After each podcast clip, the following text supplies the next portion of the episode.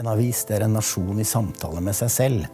Altså at på en måte Istedenfor å tenke at det sitter et senter her som skal liksom spre det riktige, the gospel, ut til, til, til, til folket, så er dette en arena hvor, hvor vi søker etter de mest kompetente til å belyse spørsmål for å gjøre oss alle på en måte klokere.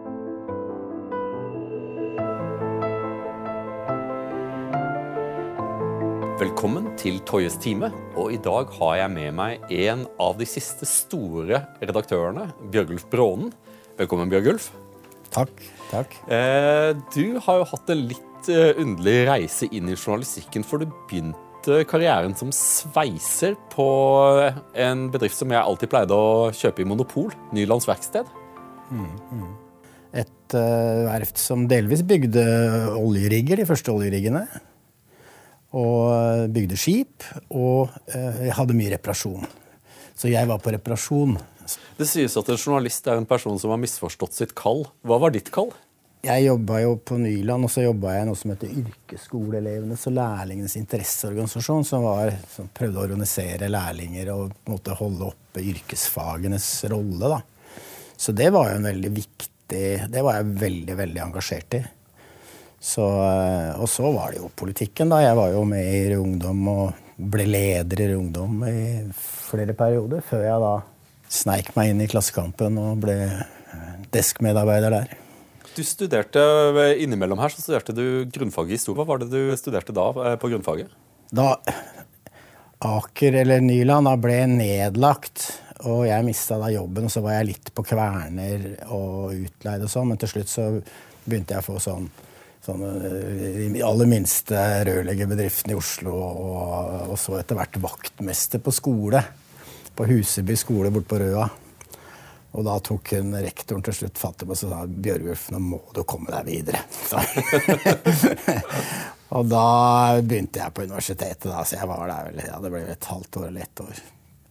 Nei, det var jo Det var jo hele Det var jo forberedende og og hele liksom, grunnpakka i historie. Og jeg var spesielt opptatt av eh, kapitalismens framvekst i Europa på 14-, 15-, 1600-tallet. Så jeg gikk ganske dypt ned i det, tror jeg. ja, For du var skikkelig rød på, eh, på 70-tallet? Ja da, det var jeg. Så jeg var med i store vekkelsen som hjemsøkte vårt land. Den store vekkelsen.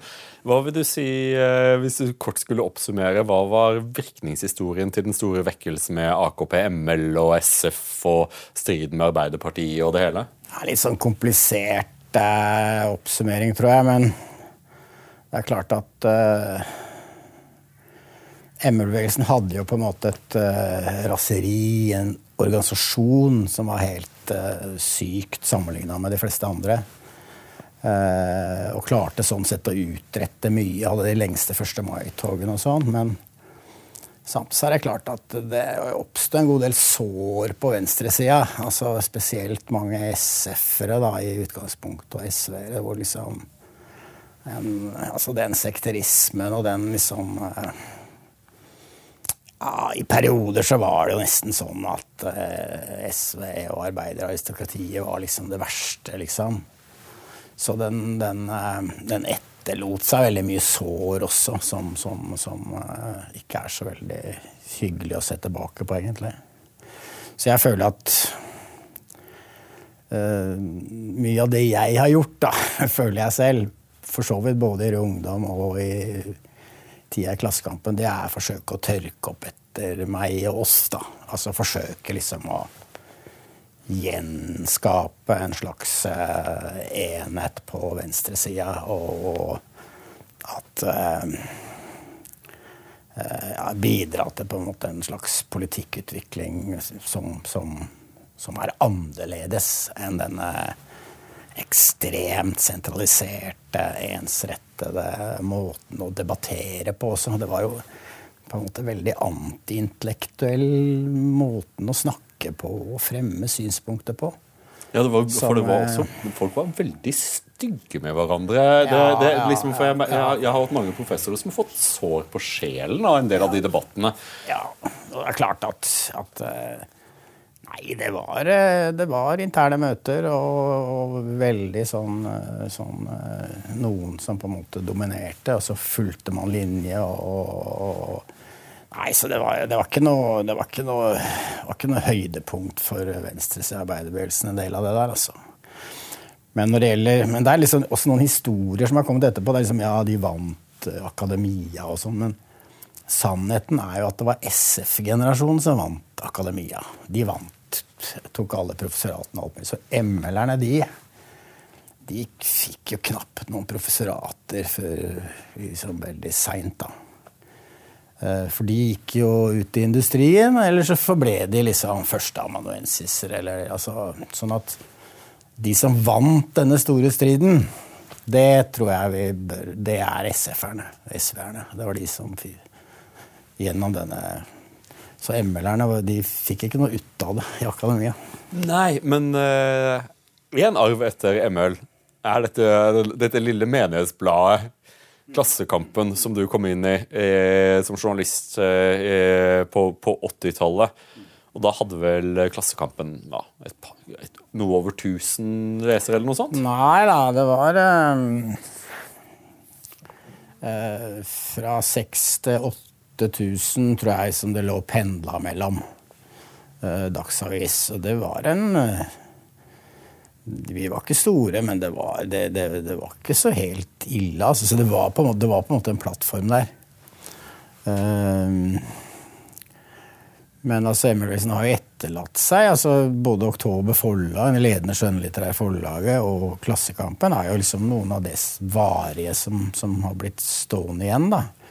Og jeg vil jo også si at det er noen ting som ML-bevegelsen representerte. Ikke alene, men norsk ML-bevegelsen var jo kanskje imot var En kamerat av meg som sa i helgen at han er, han er liksom egentlig dansk. Han sa at i Danmark var det Kina-partiet, det var Kina, liksom. Mens i Norge så det ble gjort ganske intense forsøk på å bli norske. Og de mm. var på mange måter norske også. Mm. Så eh, det er klart at det at du vokste ut av denne ungdomsbevegelsen til SF, gjorde at du hadde liksom lag og folk i store deler av landet. Og det, også, det var jo samtidig med at liksom eh, bondeungdommen eller distriktsungdommen kom seg til universitetene i byene. Så det var den, den, trakk på en måte på en nasjonal venstresosialistisk tradisjon også, da. Jeg håper ikke noen SF-ere blir fornærma av det, men jeg mener at den, den, hadde absolutt kontakt med norsk jordsmonn. Så det er noe her som på en måte særpreger kanskje norsk venstreside, og det er ikke det er definitivt ikke bare ML-bevegelsen og det som nå er Rødt, liksom, men som er i SV og for så vidt også deler av Arbeiderpartiet og langt inn i Senterpartiet, hvis man har lov til å si det. Som på en måte er noe Det er noe spesielt. Merker det f.eks. nå veldig i den Nato-debatten og Russlands angrepskrig mot Ukraina. Så er det klart at norsk venstreside har vært utrolig opptatt av forsvarspolitikk, og at Norge skal ha et nasjonalt forsvar, og vært utrolig uenig med ja, norske forsvarseliter som har bygd ned Forsvaret. Mm. Og dette er jo egentlig tradisjon tilbake til skytterlagene på slutten av 1800-tallet. Kampen for uh, nasjonal uavhengighet som førte fram til 1905. ikke sant? Man, man, det, er, det, er, forbindelseslinjer her til denne venstre nasjonale tradisjonen da, på 1800-tallet. Ja, helt tilbake til Wergeland og Welhaven, ikke sant? Ja. Mellom Wergeland som vil liksom ha en nasjonalbasert eh, politikk, hvor man liksom måte, det var norske bøndene, som, norske folket, da, som på en måte representerte det de måtte ta utgangspunkt i. Mens danomanene og intelligenspartiet det var sånn, ja, det er danske og det er bare søppel det som er i Norge. Det er liksom det som er ute i Europa. Det er det vi må ha. Altså, De linjene der er jo liksom Kan du jo se langt inn i sånn ja, Vedum versus eh, MDG, eller ja. Altså, så det er noe, og der har ML-bevegelsen òg vi som er vrakgods da, fra denne bevegelsen, vi har noen, noen Vi har jo lært noe. Så vi har lest Karl Marx, vi har lest Kapitalen, eller i hvert fall jeg gjort det. Og det er klart det er et Jeg føler det er en slags sånn forståelse, interesse for det Skal jeg si Klasser, det materielle Realistiske, kanskje, i politikken som, som, som Ja, uten å gjøre det for stort, så men jeg tror at det er jo der eh, Derfor eh, eh, den røde venstresida eh, og konservative snakker godt sammen. Ikke, ikke, det at man er enige om konklusjonene, men man er, er enige for premisset om, eh, om analysen. Og det er at ja, det handler om makt, og det handler om interesser. Det handler om, om, eh, om, om tilgang på, på ressurser, hvem som har, og hvem som ikke har. Ikke sant? Det, mens det liberale snakket om, om, at allting skal være normer og verdier som enkelte har og som andre ikke har, det er et sted hvor, eh, hvor både den røde venstresida og konservative føler seg ubekvemme. Eh, men la oss, la oss, vende tilbake til Klassekampen. for Etter at du eh, tilbrakte 1990-tallet i Dagens Næringsliv av alle steder, hvordan kunne det For dette, dette, dette vil jo da for Dette høres litt rart ut at sveiseren som ble journalist i, i ML-ernes egen avis, Eh, hvordan hadde det seg at du meldte overgang til Dagens Næringsliv, som er den blåeste avisa vi har i Norge? Ja eh, Jeg var jo litt sånn eh, Jeg jobba på desken. Jeg var, lei, jeg var jeg er egentlig sånn avismaker. Det er det som er min greie. Men så hadde jeg vel lyst til å være politisk journalist, og var det også i, i noen perioder og sånn. Da var Sigurd Alderen redaktør, som jeg hadde et godt, veldig godt forhold til. Og jeg maste på meg. Nå vil jeg liksom, nå vil jeg bli journalist. liksom, Nå er det nok med deskarbeid og sånn. Og han Nei, jeg nekta det. Jeg nekta skulle ha meg på desken. da. Og så til slutt så, så, lagde jeg en sånn trussel. Ja, hvis jeg ikke får det, da slutter jeg. Og ja, det skjedde ingenting, det. Så, så da bare måtte jeg slutte. Og, og um, min liksom enkle kalkyle, da, det var liksom ja, Dagens Næringsliv de skriver i hvert fall om materielle ting, liksom. Det er sånn penger, økonomi, liksom. Mens liksom jeg trodde jeg kanskje ville slite mer i Akersgata og Aftenposten. Litt sånn barnslig, da. Og jeg, også, jeg skulle liksom bare jobbe på desken, da. Jeg fikk deskstilling. Så liksom det som var min uh, greie, da. Men så gikk jo tida, og det var egentlig en ganske fascinerende tid med Kåre Valebrokk. For jeg hadde jo hatt Sigurd Alern som sjef i Klassekampen. Mm. Og den på en måte kulturen da, som var der Det var ikke bare knytta til Sigurd Aleren, men det var sånn Du lette hele tiden etter feil, problemer, Eh, ja, så, så, det var en veldig sånn kritisistisk neg, Ikke negativ, men en veldig sånn kritisistisk måte å tenke og jobbe på. Mm. Hvert morgenmøte så var det alltid noe kritikk av noe eller saker og sånn. Og um, det fungerer jo på et, ett nivå, det òg. Men så kom jeg til Dagens Næringsliv og Kåre Valebrakk og sa og jeg tenkte, Er det mulig? Liksom, alt var positivt. Alt var bra alle var de beste journalistene i verden. Liksom. Så, og selv om det, det, var ikke alltid sånn det var. altså. Og liksom ja, Vi er BMW, og da skal vi prise vi avisa etter det, liksom. Og da var Dagens Næringsliv en tynn lefse sammenligna med, med, Aftenposten, liksom. Så jeg liksom Ja, jeg Det har jeg merka etterpå, da jeg kom tilbake til Klassekampen, at jeg hadde veldig godt av liksom å se at det var mulig å tenke og jobbe på en annen måte. Jeg var egentlig litt kritisk til Valbrok, at han liksom aldri kunne liksom gå inn i et problem da, som vi hadde der. For det ble alltid liksom eh, Det ble lagt et teppe over, da. Fordi, så jeg liksom jeg, jeg, tror nok at jeg var litt sånn At jeg liksom var litt ute etter det, da. Men likevel, det var en eh, Det har betydd veldig mye for meg, egentlig. Ja, For eh, inngangen til 2000-tallet kommer du vender du tilbake til Klassekampen. Og da du går fra bordet som, uh, som redaktør, var det i 2018, Eh, så hadde Klassekampen hadde firedoblet seg i opplag på 15 år. Kan du ta, fortelle litt om liksom, hva var din metode? For, det, jeg, jeg, må bare, for å sette kontekst ikke sant? Du shanghaya meg inn til å være, til å være spaltist i Klassekampen. Og jeg satte din karriere i gang. altså. Det var du, You made me. Nei. Men det var alltid så morsomt, fordi eh, jeg hadde dette på CV-en, og det ble jo alltid når jeg skulle søke Når jeg skulle søke jobber i akademia, så var det liksom i utlandet, så var det alltid en sånn her eh, Du er spaltist in the class struggle. Eh, det hørtes veldig suspekt ut. Og hvis du ikke er norsk, så er det vanskelig å forstå den rollen som Klassekampen har fått Eh, for Klassekampen leses eh, Du trenger ikke være rød for å lese Jeg leser, jeg leser Klassekampen hver dag. Jeg leser Dagens Næringsliv også. Eh, mens, det lyder helt annerledes på, i andre land. Men, men og, og, Tyskland og Klassenkamp, liksom. Det er ikke, det er ikke bra. Men det, det, var en sånn pressekonferanse. Jeg tror det var, eller det var Støre og Mette Fredriksen. Og så, så var det liksom en journalist fra Klassekampen. Det var i Norge, dette. her. liksom, og så Nei, det var Helle Thorning-Smith, selvfølgelig. Det var ikke Mette Frøysen. Som bare føysa dette bort og sa nei.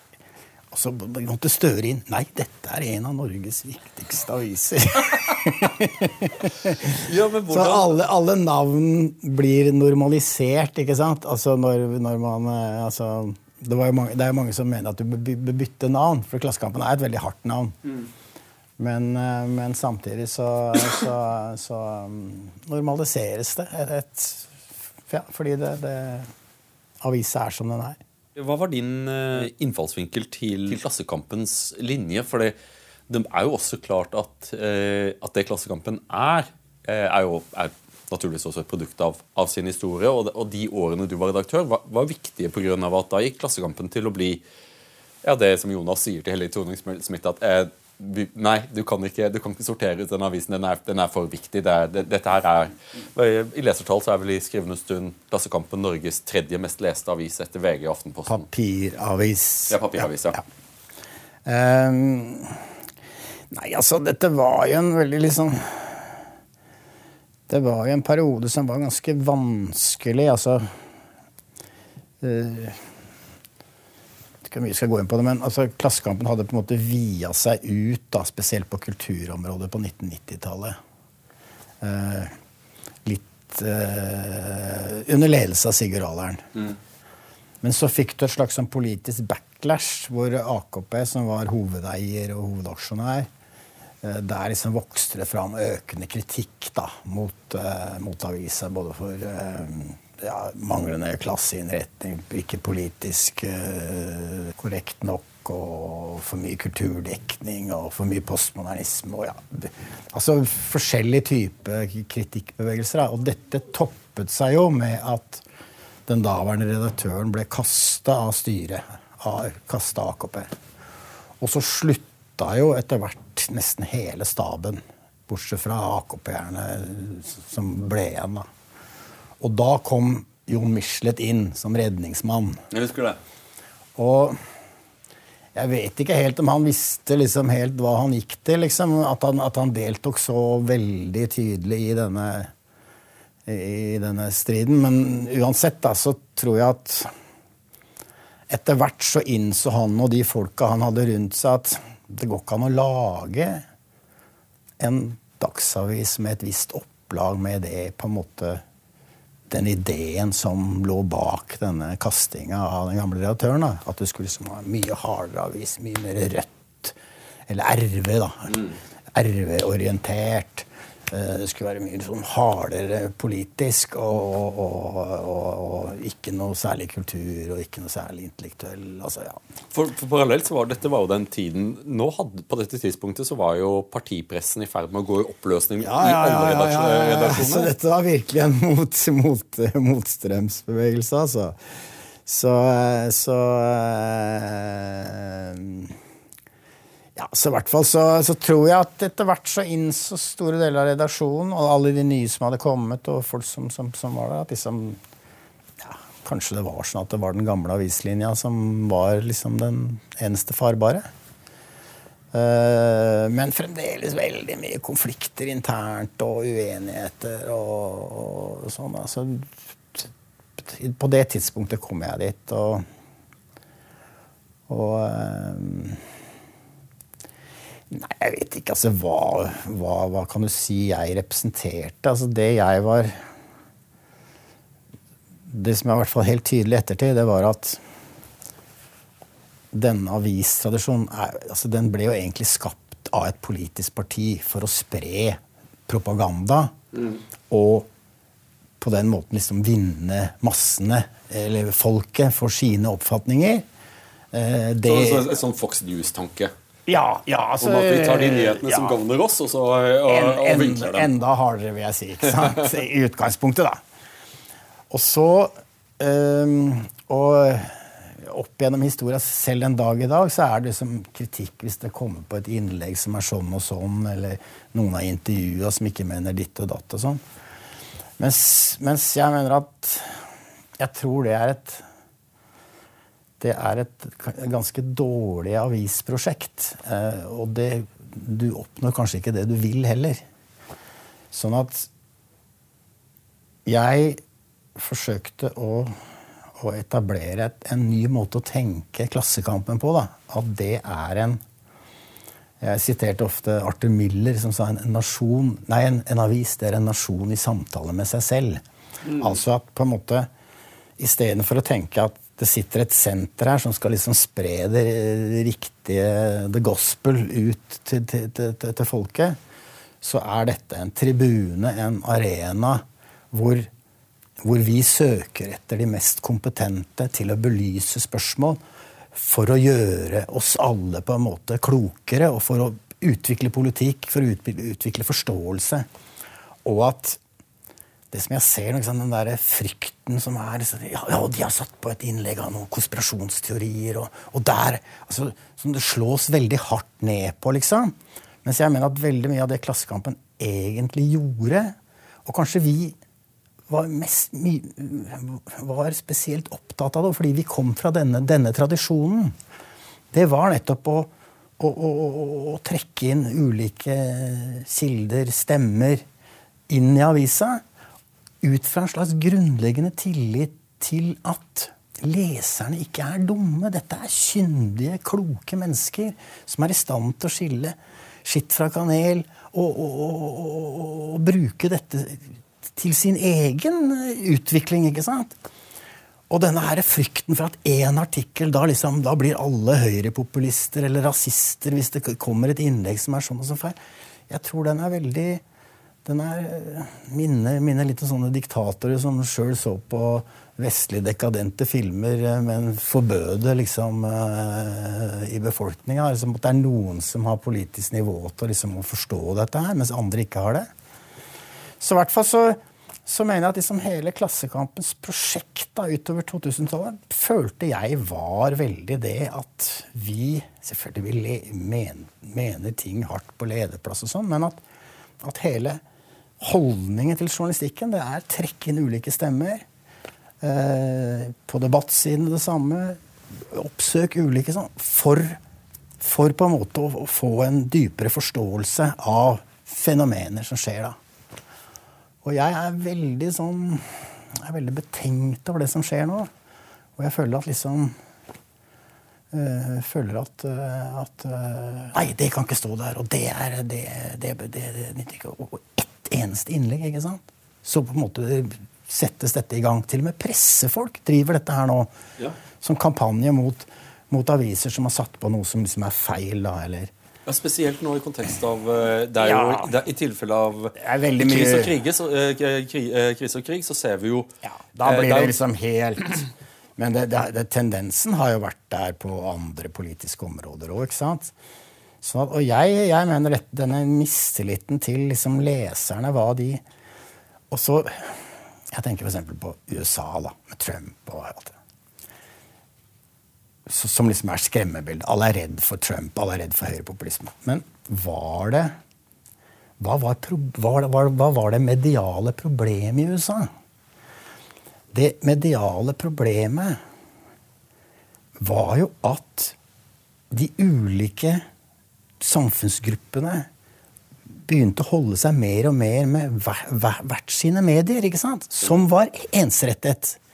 Sånn at, Og jeg mener kanskje at det som er kalt mainstream-media, eh, var med på denne utviklinga fordi man ikke var flinke til å oppsøke de samfunnsproblemene som vanlige amerikanere, eh, arbeiderklassen, folk i utkantene var opptatt av. Ikke tok inn den virkeligheten. Og heller ikke tok inn synspunkter som representerte det, eller andre ting. Altså fra, en, fra, en vi, eh, fra et vidt spekter inn i sine medier, sånn at de på en måte kunne beholde i større grad den rollen overfor alle typer amerikanere. Men isteden så lukka man rommet, også litt politisk. Man så bort fra på en måte de samfunnsproblemene som, som, som vanlige amerikanere er opptatt av. Og så utviklet mediene seg mer og mer til å bli urbane altså medier for, for urbane, høyt utdannede osv. Og, og da oppstår jo disse alternativene på høyre side, ikke sant? Fox News og, og den type ting.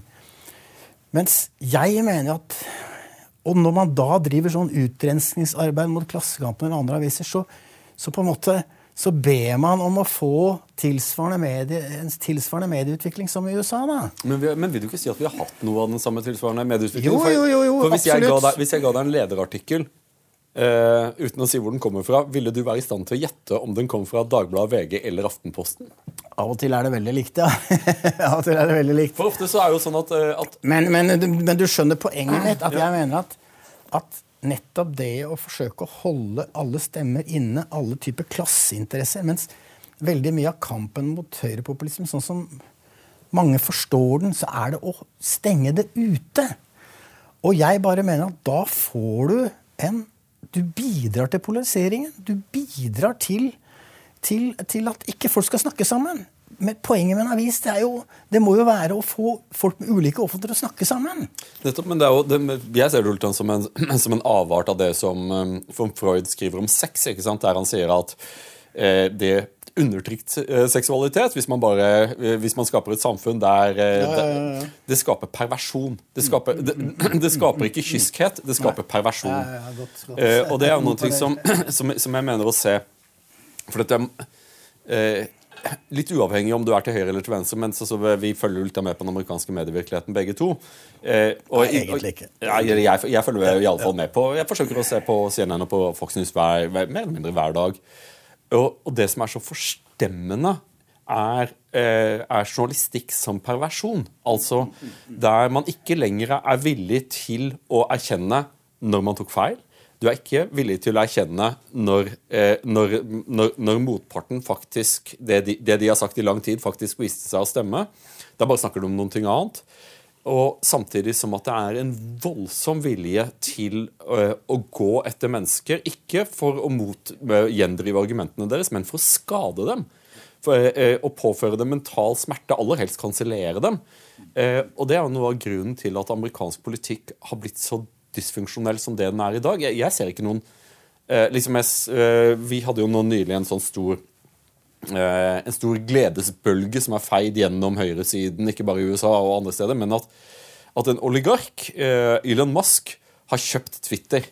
Hurra! Eh, fordi man antar at Elon Musk på en eller annen måte eh, har, har, de samme fordommene som det folk på høyresiden har.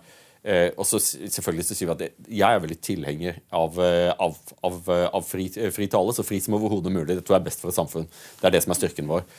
Men det er jo litt sånn urovekkende, akkurat den biten med at man, eh, at man, man glemmer det store. Eh, at er det sunt at én person skal eie medier, sånn som Washington Post og Jeff Bezos og den mediekonsentrasjonen som, som, som har kommet i takt med uh, vil, du, vil, vil, du, gi det? Det er jo sunt at én person eller et, en, en, en, gruppering eier medier, men det forutsetter jo at det er, at det er mediekonkurranse. ikke sant? Og det er jo det som er spørsmålet nå med Facebook og Twitter, om dette egentlig er naturlige monopoler som burde vært en statlig infrastruktur som ulike aktører kunne på en måte utnytte. Sånn at dette er jo, altså, Det som skjer her nå, er jo altså Hele utviklingen av digitale medier er jo en skandale. Altså, altså de, Deres på en måte forretningsidé det er jo å, å, å ta, ta, folks uh, personopplysninger av ulike grad. og Det er det som er på en måte den tunge kapitalen. Og her har jo nasjonale myndigheter hadde muligheter til å sette begrensninger på det.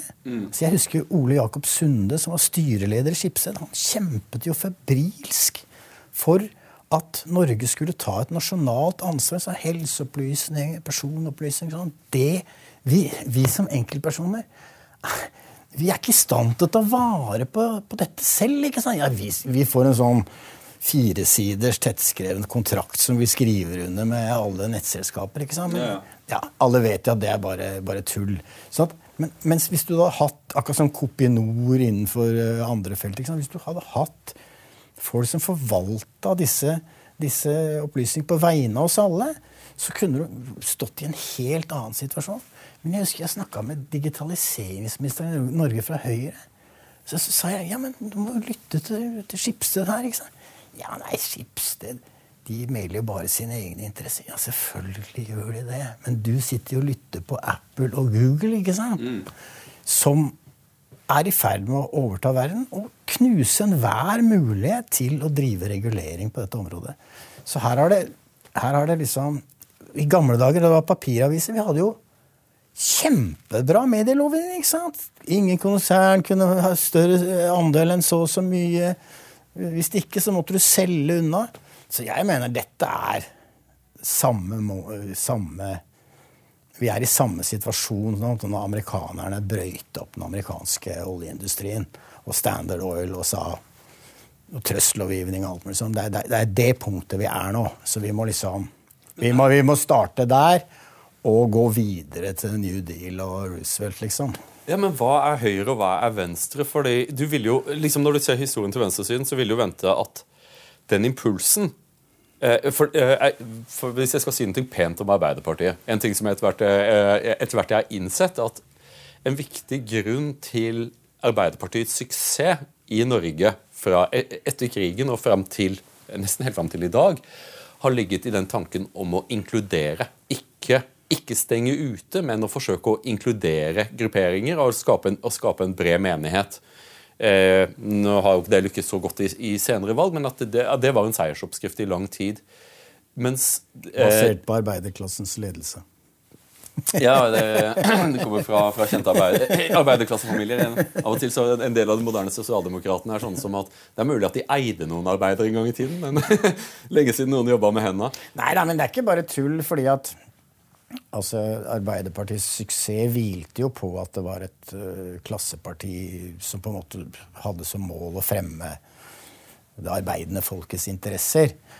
Og så, veldig lenge, så sammenfalt jo det, disse interessene delvis også med eh, mellomsjikt kontoransattes eh, interesser. ikke sant? Og, det, og, og hele etterkrigstida så var det jo et program sånn, for utviklingen av en velferdspolitikk og, og industripolitikk innenfor nasjonalstatens rammer. sånn at på en måte dette, dette var jo en politikk som, som hadde potensial for å vinne stor oppslutning. Og det jo som skjer, er jo at kapitalismen går inn i en ny fase hvor du bryter ned på en måte rammene for denne nasjonalstatlige politikken. Og du avregulerer på en måte ganske bevisst veldig mye av den sosialdemokratiske staten. Og da velger jo enkelte sosialdemokratiske ledere, som Gerhard Schrøder, Tony Blair, å på en måte hoppe over og bli talsmenn selv for denne avreguleringen og, og, og frislipp av kapitalismen. Da. Og her ligger jo på en måte kimen til hele problemet for venstresida og for de sosialdemokratiske partiene. Fordi da det som skjedde da, var jo at store deler av arbeiderklassen følte seg forlatt. De hadde mista på en måte det partiet og de bevegelsene som på en måte representerte deres interesser. Og, og, og, og, Labour i Storbritannia trodde jo at de ikke hadde noe sted å gå. Altså at arbeiderklassen ikke hadde noe sted å gå, for de ville jo aldri stemme på et overklasse-Tory-parti. ikke sant? Men så fikk du brexit, og så fikk, det på en måte, så fikk arbeiderklassen en voice. da, ikke sant? Nei, men Du så disse franske valget også, med, med, Ja, med, ja, med, ja. med Marine Le Pen. Og, he, og, he, og, og akkurat det samme i Frankrike. Altså, hvis du ser på tallene, så har jo altså Macron har store byene, de høytutdanna, eh, og hun vinner stadig større deler av arbeiderklassen, altså de gamle kommunistvelgerne. og distrikt. Og distrikt er jo det har jeg også tenkt på at Vi snakker om sentrum periferi i Norge som en jævlig viktig dimensjon. Men se på USA, da. Frankrike, Storbritannia. Hele denne klasseaksen er på en måte Den er limt sammen med denne periferiaksen. Mm. Du ser jo, hvis du, hvis du reiser til Venezia, så ser du det er jævlig høye priser. Men, og, men, det er jo masse arbeidsfolk som må være der for å reparere sånn. Men de bor på fastlandet. Og så, og så hver morgen inn og så med båten, og så båten tilbake. Og Sånn skjer jo etter hvert i Oslo. ikke sant? Håndverkerbilene inn fra Skarnes og Råholt ikke sant? hver morgen. Bygningsarbeidere. Alltid. Og så ut igjen om kvelden. sånn at hele det klassespørsmålet og, og, utkant er, eller distrikt da, i Norge, er utrolig spennende, syns jeg. Som, som, og veldig viktig å forstå. Skal man forstå jeg skrev noen bøker om dette. og det er jo sånn Jeg har forsøkt å reise til steder man ikke drar på ferie. og jeg tror ja. at hvis, eh, ta, ta, deg en tur hit til den franske periferien og se hvordan det står til der. da. Se, se, hvor, se, se, hvordan folk har det i den franske periferien. For du har, du har... Jeg leser jo Ole Becks bøker, da, så jeg får med meg litt. Grann. ja, ja, men han er veldig, veldig sånn klar og tydelig på det. Han sier sånn Ja, de var jo derfra.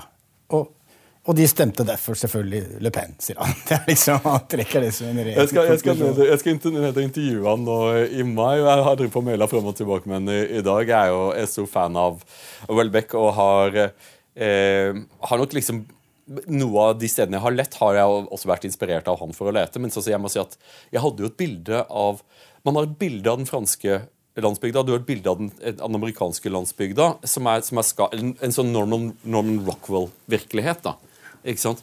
Og så kommer du ut, og så finner du områder som er så forfalne og overlatte og underskolerte. Eh, en fortvilelse. Ja, og det er liksom, Dra 30 km utenfor bysentrumet av de stedene du drar på ferie, og se hvordan folk lever. Eh, men det som undrer meg litt, er at i denne situasjonen så venter ikke venstresiden seg du og jeg hadde en, vi, hadde, vi spiste middag på, på Dovrehallen for mange mange år siden. Og så spurte jeg Hvorfor i all verden liksom, vil, du, vil du ha For det var på den tidspunktet at høyrepopulisme var det verste man kunne si. Eh, mens Klassekampen hadde, var, var, åpnere for å ta en del av disse debattene. Og så sier jeg hvorfor det? Og så, og så sa du at veit det, Asta, at jeg, jeg, kommer fra et sted der eh, hvis eh, jeg går der arbeiderklassen er, og hvis, eh, hvis, eh, og hvis de går mot høyre, så skal jeg i alle fall forsøke å forstå hvorfor.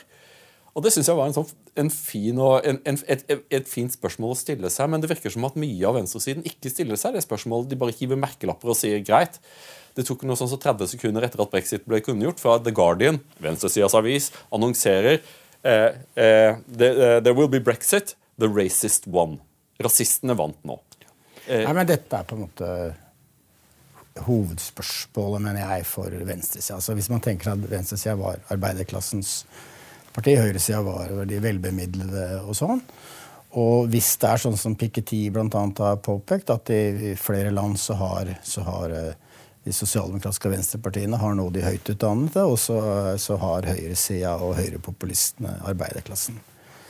Så er det, det er et ekstremt uh, problem uh, for venstresida, og det er et ekstremt paradoks. Og jeg slutter aldri å forundre Og jeg mener at verden Du må på en måte forstå klasse og, og, og geografiske konflikters betydning i et land. Fordi at i hvert fall inntil nå, du kan ikke vinne valg, sånn som valgordningene fremdeles er, også i Norge, uten at du, du, du, du har bred oppslutning i arbeiderklassen og i distriktsbefolkninga. Du kan ikke vinne bare ved å, å ha liberale i, høyt utdanna i storbyene. Liksom. Det er for tynt grunnlag. Og det er farlig, det er, det er en farlig posisjon òg. Fordi det er du, du, du, tar ikke med deg bredden og fylden i et lands befolkning. Og, og, og, det er klart at nå er folk glad for at Macron vant. Men hvis du ser på, ser på oppslutningen i kommunene, så, så, så, vinner hun flere og flere kommuner over hele, hele, Frankrike. Og hvis du følger prosentene hennes, altså vekstkurven hennes, så vinner, så vinner, hun neste valg om fem år. Det er ikke sikkert det skjer på noen som helst måte, men det er klart at jeg forventer at partier som er sosialistiske og er på venstresida,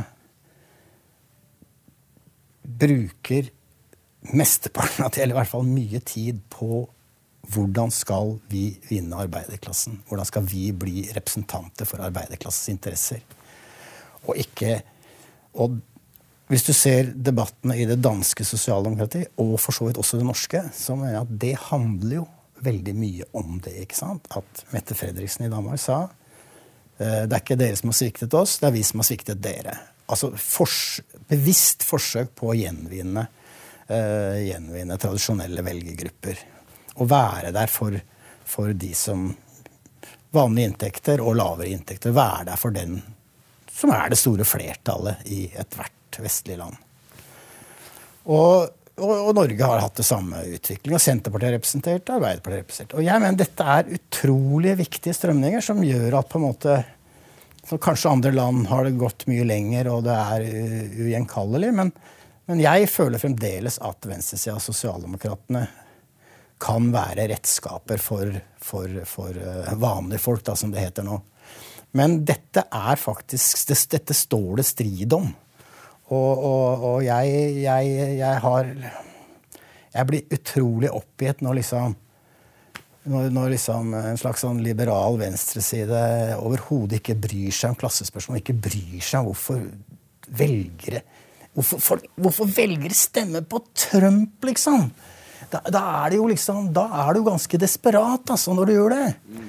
Og det er jo det som må på en måte interessere folk. Og jeg, jeg, jeg, jeg har en mistanke om at det som skjedde da, som jeg snakka om med, med Skrøder og, og Blair og sånn, det er at deler av disse sosialistiske partiene har også blitt partier for de velbemidlede. Altså Er, det er ikke sånn at det er et genuint engasjement for de nederst ved bordet. Og da, da, da vil jo de gå et annet sted.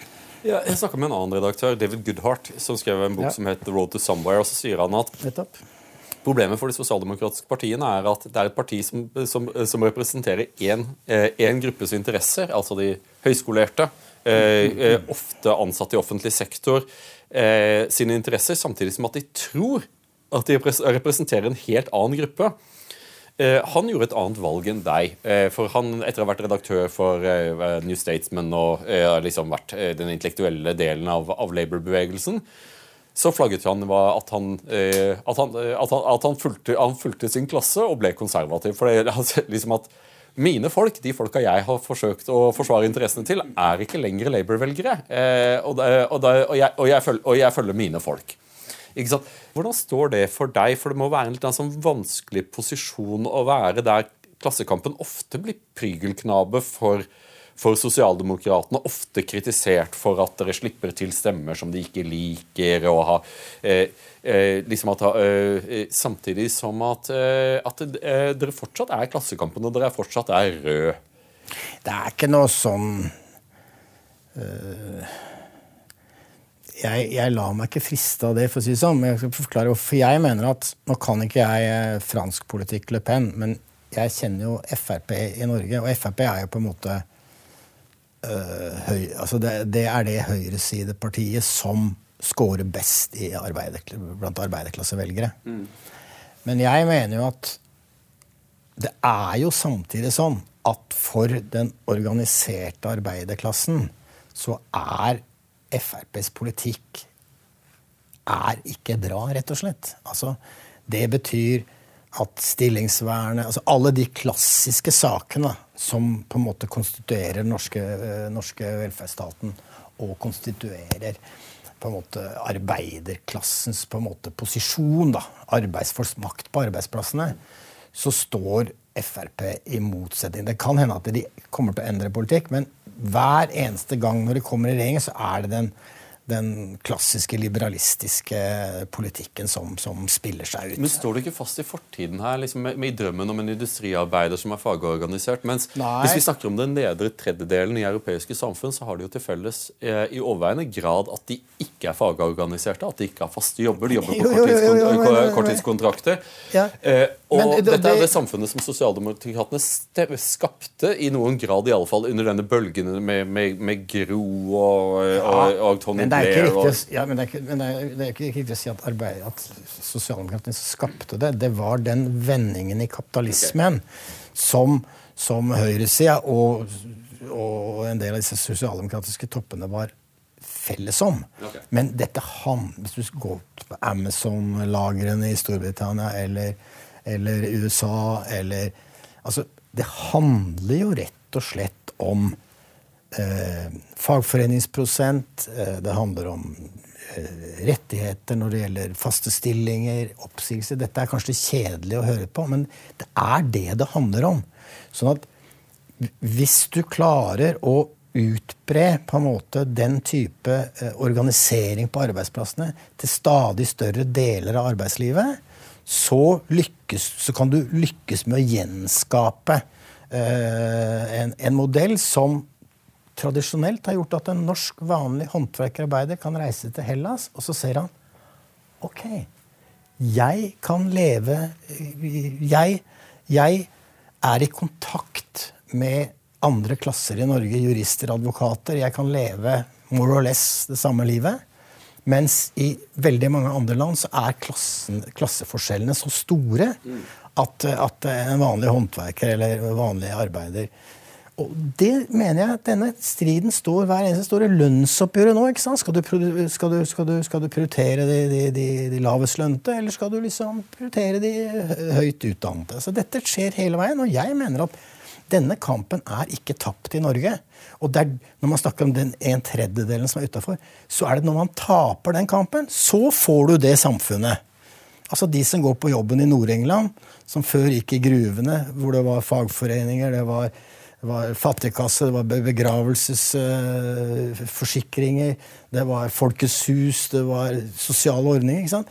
Den type eh, organisering rundt arbeidet og arbeiderklassen, den har gått tapt fordi rettighetene, fagforeningene, er svekket. Og det må du kjempe for å ta tilbake. Og det er ikke noen Selvfølgelig så skal man kjempe for at ikke sosialstøtten blir for lav, og sånn, men det er denne kampen på arbeidsmarkedet det handler om. Og det er det som kan på en måte gjenvinne Sheffield og disse Goodhart-områdene til, til, til, til, sin gamle på en måte storhet. da. Sånn at jeg har liten tillit, i hvert fall sånn som jeg kjenner norske høyresida, Høyre og Frp, har ingen politikk for dette. De kan i ettertid si at vi stemte for og vi godtar det, alt mulig sånn, og det, har variert litt, men, men det har vært Og privatisering kan man også si, men privatisering også er en maskin for å svekke, svekke denne type arbeiderrettigheter. Men er ikke liksom, politikk er liksom å forsøke å stå imot eh, de store økonomiske kreftene. Eh, Du kan jo forsøke å, endre det, men du, du, du har noen eksempler.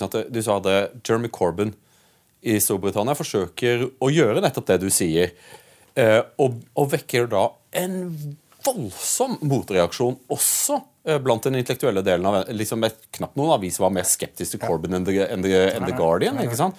Så Jonas, det er mange sider ved, ved, ved Corbyn som, jeg, som vi, vi, vi kan ta, fordi Men, men det, det er veldig enkelt å se det i Norge, mener jeg, at, at, at, eh, at disse konfliktlinjene, uansett hva Høyre sier og Frp sier, den praktiske politikken når de vil svekke arbeidsmiljøloven, så fører det til at du i prinsippet og EØS-tilknytning.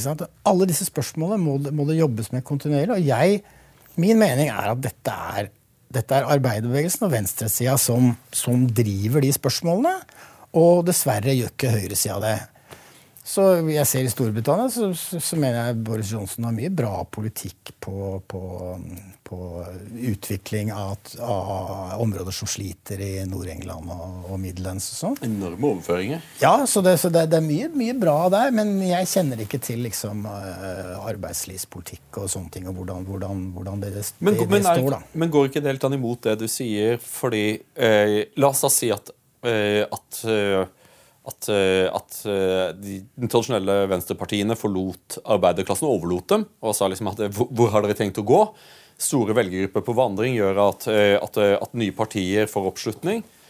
And low and behold, som Geir Lundestad ville sagt, at Tory-partiet, som jeg kan være enig i mye av beskrivelsen Jeg traff jo en del av de der sørte i England, som var eh, aspirerende overklasse. Eh, veldig mye.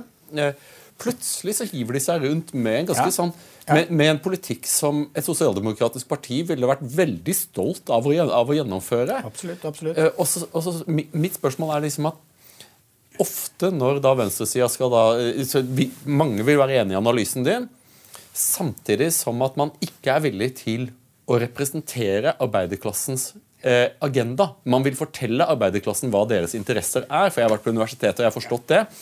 det så det, du skal ikke bry deg om innvandring, gutten min. Det du skal bry deg om, er dette.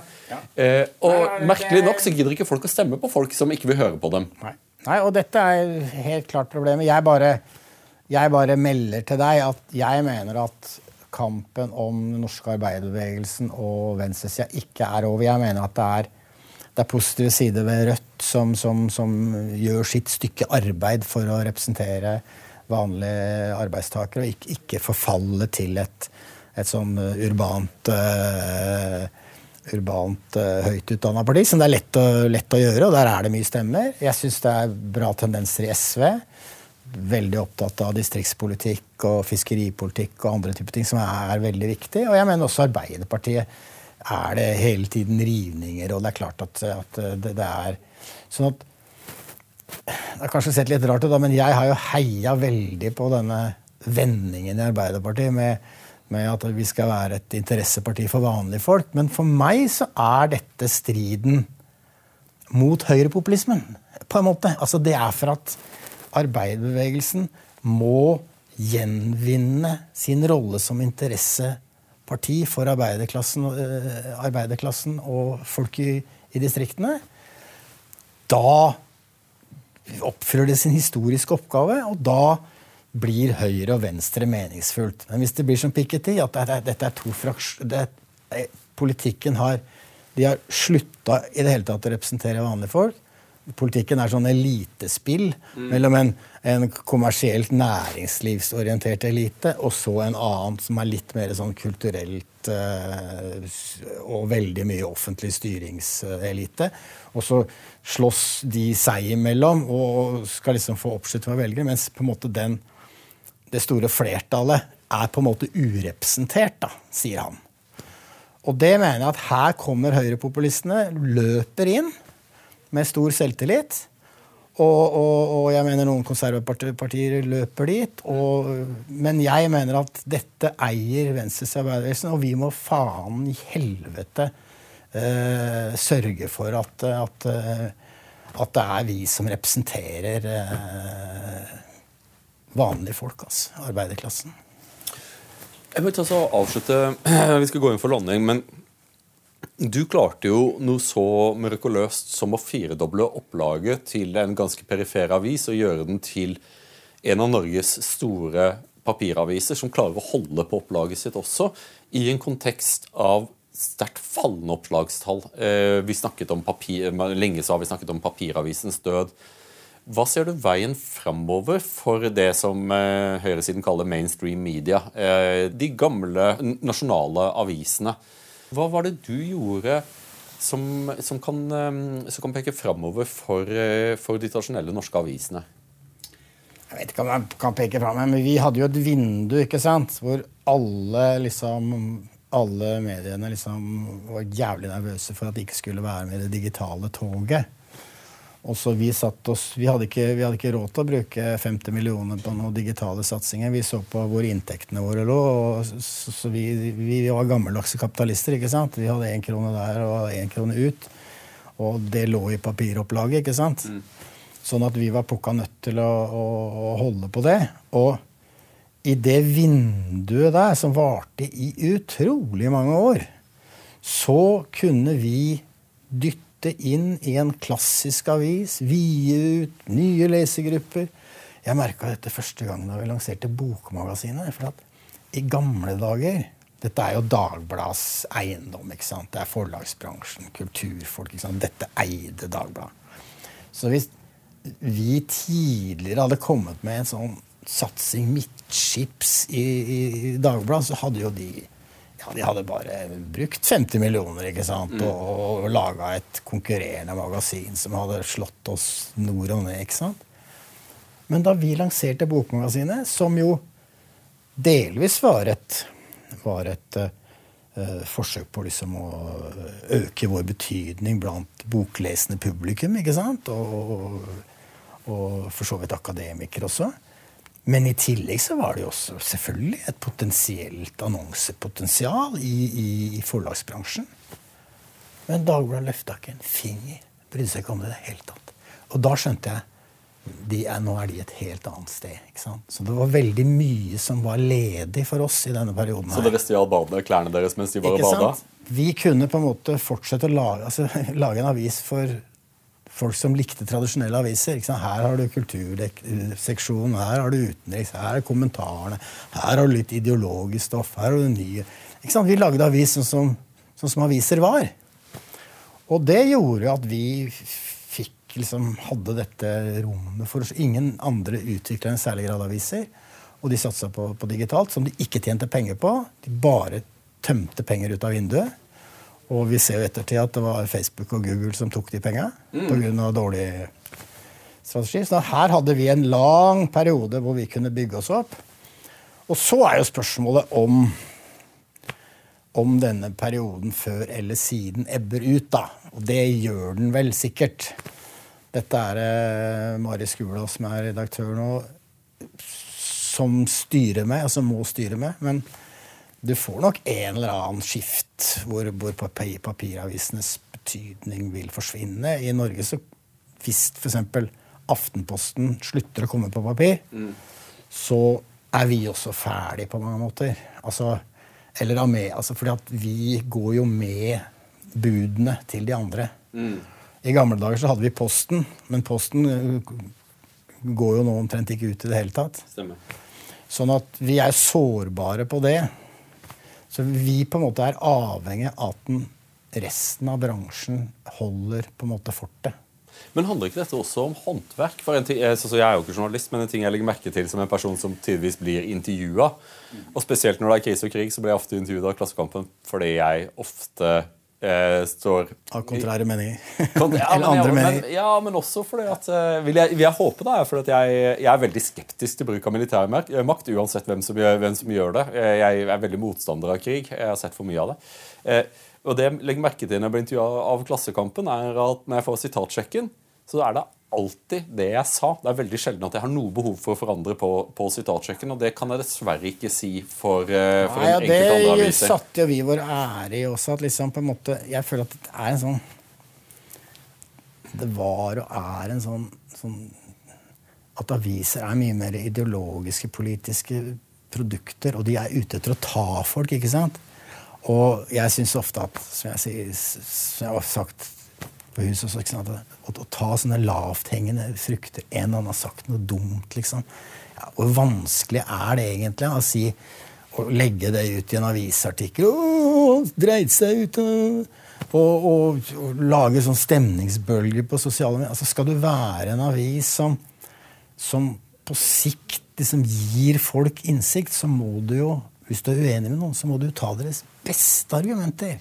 Mm. Deres mest velformulerte, gode poenger. Og så se om du, kan, om du kan gjøre noe med det. Om du kan møte dem.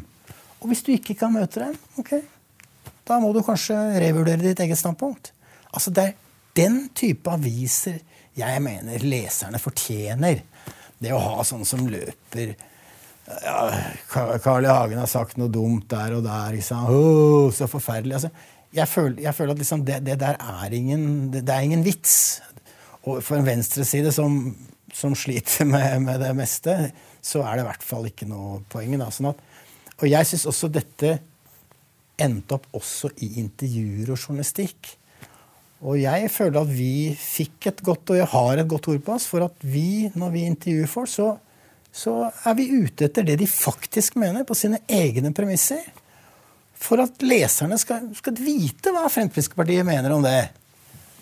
Ikke sånn hey, 'Nå er Fremskrittspartiet ute igjen, dere mener noe.'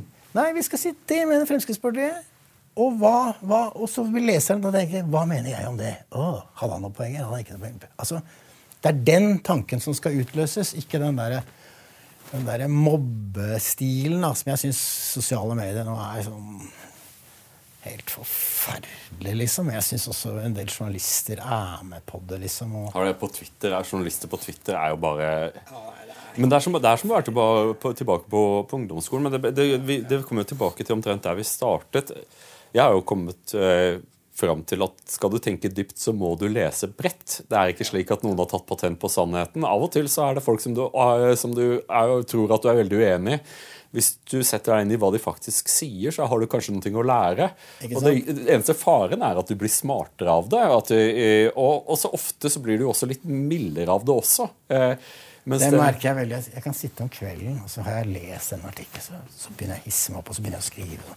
Å, fy faen, han der mener det, Nå skal vi ta den, liksom. Og så kommer jeg på jobben dagen etter, så skal jeg skrive liksom samme. Så da må jeg jo sjekke hva han faktisk har sagt. da. Mm. Å nei, det var litt mer nyansert, ja. Å ja, nei, å ja, mm, ja, nei. Altså på en måte og det er jo det denne her eh, Twitter-verden liksom som, eh, den, Du skal gå på den dumme gut, den første reaksjonen. Og, og, eh, jeg tror det er ekstremt skadelig, og jeg tror folk må lese bøker. Altså folk må altså, Nå er det vel siste var at gjennomsnittet er, bruker tre og en halv time på sosiale medier per dag gjennomsnittet menneske. Og da kan du tenke at det er noen som er veldig lite her. Altså, så kanskje liksom fire timer. da. Altså, Hva annet får du tid til da? Så dette er ikke bra. Hvis, og hvis det blir et sånn følelsesaggregerende medium, da, så, så får vi større og større problemer med å med å få fornuft og ro og pragmatisme og realisme inn i en offentlighet. Ja, men, altså, det de ikke forstår er liksom, Jeg leser Age of Anger av Pankaj Mishra. som er jo, er, Han er fantastisk. Han er en av de indiske bondestudentene. Han er en av den, den første generasjonen som kommer rett ut av landsbyen ja, og, går, og, går til topps. Men det han påpeker, som, er, som har virkelig bitt meg fast i, er at sant, vi, denne hånetrangen Den som blir hånet, Eh, den emosjonelle responsen på hån er harme. Eh, og, veldig mye, og, den, og, og veldig mye av offentligheten drives nå i, av disse to. Ja, Hån og harme. Mm, mm, eh, mm. og du skal være forsiktig med å håne folk. Eh, Pga. at det er noen ting som, som skaper en veldig dyp og sint emosjonell reaksjon. Eh, jeg, tror også at det er vanskelig å drive en avis på den måten. Du, du kan jo ikke ringe meg, du kan ikke håne meg på mandag, ringe meg på, på fredag og spørre om jeg, om jeg, har noen innspill, eh, vil kommentere på denne saken som, eh, som fagekspert. Selvfølgelig burde jeg være så voksen at jeg kan skille mellom at jeg sa noe dumt på mandag, men jeg har fortsatt min kompetanse. Men jeg tenker da Fuck deg. Veldig, hvorfor, skal jeg stille opp for den møkkaavisen din? liksom? Det er veldig interessant. det er veldig interessant. Og, og jeg føler også, apropos denne Trump og høyrepopulisme, som jo må bekjempes, men hvis man møter folk bare med hån, latterliggjøring, uthengning, så får du som du sier, du får harme tilbake.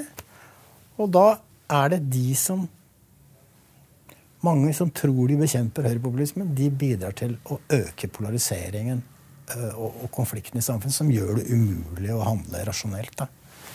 Så dette her bør egentlig alle tenke litt, uh, tenke litt mer grundig over. for å si sånn. Og jeg føler at Klassekampen har på en måte Vi forsøker, da. Det er ingen som er måte har clean sheet på noe som helst der, og sånn, men, men jeg føler at det å forsøke å holde mange ulike stemmer inne uten uten, uten, forsøk på å drite ut folk, eller sånn, det, det syns jeg er en utrolig viktig samfunnsoppgave, rett og slett. Jeg tror iallfall det er viktig hvis vi skal, ta, hvis, hvis vi skal holde eh, et felles ordskifte gående. For ellers så, ellers så, vil det splittes opp i en, i en serie med ekkokamre. Eh, for det er jo det dit sosiale medier driver oss. Det er helt opplagt. Og det er også krefter i samfunnet. ikke sant? At, at altså den den valgkampen vi har vært igjennom, og, og, og diskusjonen om, om uh, Senterpartiet og alt mulig sånn Det er jo klart at spørsmålet er liksom om en ting er på en måte en aggregert polarisering i en slags offentlighet, men det er også underliggende spørsmål ikke sant, som gjør at konfliktnivået er Altså det er reelt sett ulike interesser. da. Mm. Og, og de må Jeg mener de må ingen de må erkjennes, og så må de løses. Og det må finnes politiske kompromisser som på en måte alle kan leve med. Det er jo det som er politikk. Men hvis den bare blir stående som sånn, sånn, sånn uh, som krig, så er ikke det noe bra for uh, enten det er diskusjon om innvandringspolitikken eller domstolsreform eller hva det er, så må man, må man finne måter å, å, å ja. Og for det iallfall jeg vil, vil, vil takke deg. Det er, er, godt at Klassekampen finnes. Eh, det er i Norge sånn at eh, det å ha en, en, en litt mangfoldig diett Da unngår du intellektuelle mangelsykdommer. Og jeg vil si at din jobb med, med Klassekampen er jo, et, er jo et, er en pil og en lengten, på sett og vis. Om eh, du representerer, du representerer den, den, din politiske demografi. Det er helt fint. Jeg skulle ønske at, at, var, at man hadde de samme type tanker også i, i andre medier.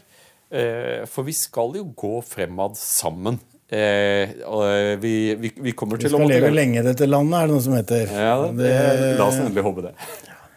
Men jeg også, det jeg kanskje er eh, aller mest stolt av, er jo at, at vi fortsetter. Jeg har gått av. Ny redaktør redaksjonen Vi fortsetter opplagsøkningen, vi fortsetter den samme rollen i, i, i det norske samfunnet. sånn at på en måte, Det er jo veldig fint å, for meg da, å tenke på at liksom det var liksom ikke sånn det var ikke sånn, det var sånn Jeg gjorde noe bra her i verden. Det er faktisk sånn at, sånn at dette blir ført videre i og utvikles og utvikler seg vitalt, liksom. Ja, men da, da må jeg, jeg må få, jeg få det som et aller siste spørsmål. Hvordan unngikk du å bli syvende far i huset. For du, du, du, husker jo Da Carl I. Hagen gikk fra bordet, som var liksom en mann som skapte det moderne Fremskrittspartiet, så sa han at han ikke skulle bli det, men han ble det. Eller uten samling for øvrig. Det, altså, men det er sånn, sånn uh, Manchester United, Rosenborg og sånn, hvor, hvor liksom trenere som, som, har gjort store Og så er det bare helt takras i årevis etterpå. ikke sant? Ja. Hvordan klarte du å unngå det? Nei, det er jo først og fremst etterfølgeren, Mari Skurdal, som har, har, har, den type egenskaper og, og sånn. Jeg tror også det at når det er sånn syvende far i huset-greier, så så tror jeg at uh, Har du selvtillit, som hun har, så er altså Om jeg skulle ha brumma og ment noe, liksom, og sånn, så OK, what's, what's, the problem med det, liksom? Det er jeg som er in charge, det er jeg som styrer dette her. Eh, sånn at eh, det er nok ganske viktig at, at den der syvende far i huset og alle typer sånn, det, det er en toveisgreie. Sånn at men for meg så var det altså Det var fra, dag, fra den ene dagen til den andre. Når jeg gikk av, så alle gikk til Mari, liksom. Og det er veldig få som kommer og skal sladre til meg liksom, og, og Se åssen det går nå, liksom. Og nei, fy faen. Det var mye bedre før. Hører det aldri. det så det er helt fantastisk. Hva bruker du dagene dine på nå? Nei, jeg går i Stortinget og skriver politiske kommentarer og forsøker å reise litt og sånn. Men eh, altså i jobbsammenheng, da. Så nei. På en måte så mange spør liksom Ja, nå har du vel gode dager? Så, så, så, sier jeg at Nei, men det å være redaktør, da er det sånn vaktmester. Vet du, Gå rundt og passe på at alt er Og folk kommer inn og skal snakke om ditt og datt og sånn. Mens mens nå, nå må jeg jo levere. ikke sant? Skrive en kommentar og deadline. og Har jeg skrevet nok nå? og Var det bra nok? Og, så det er jo det er jo nesten eh, det er mye verre, dette her, enn å være, bare være redaktør. så, så sirkelen, har, sirkelen har, blitt fullbrakt. Du er tilbake der du starta ja, ja, ja, som menig journalist i Klassekampen. Det er det jeg er. Kjempebra. Bjørgulf Brånen, tusen takk for at du ville komme på Torjus time. Det har vært en glede å snakke med deg. Tusen takk selv.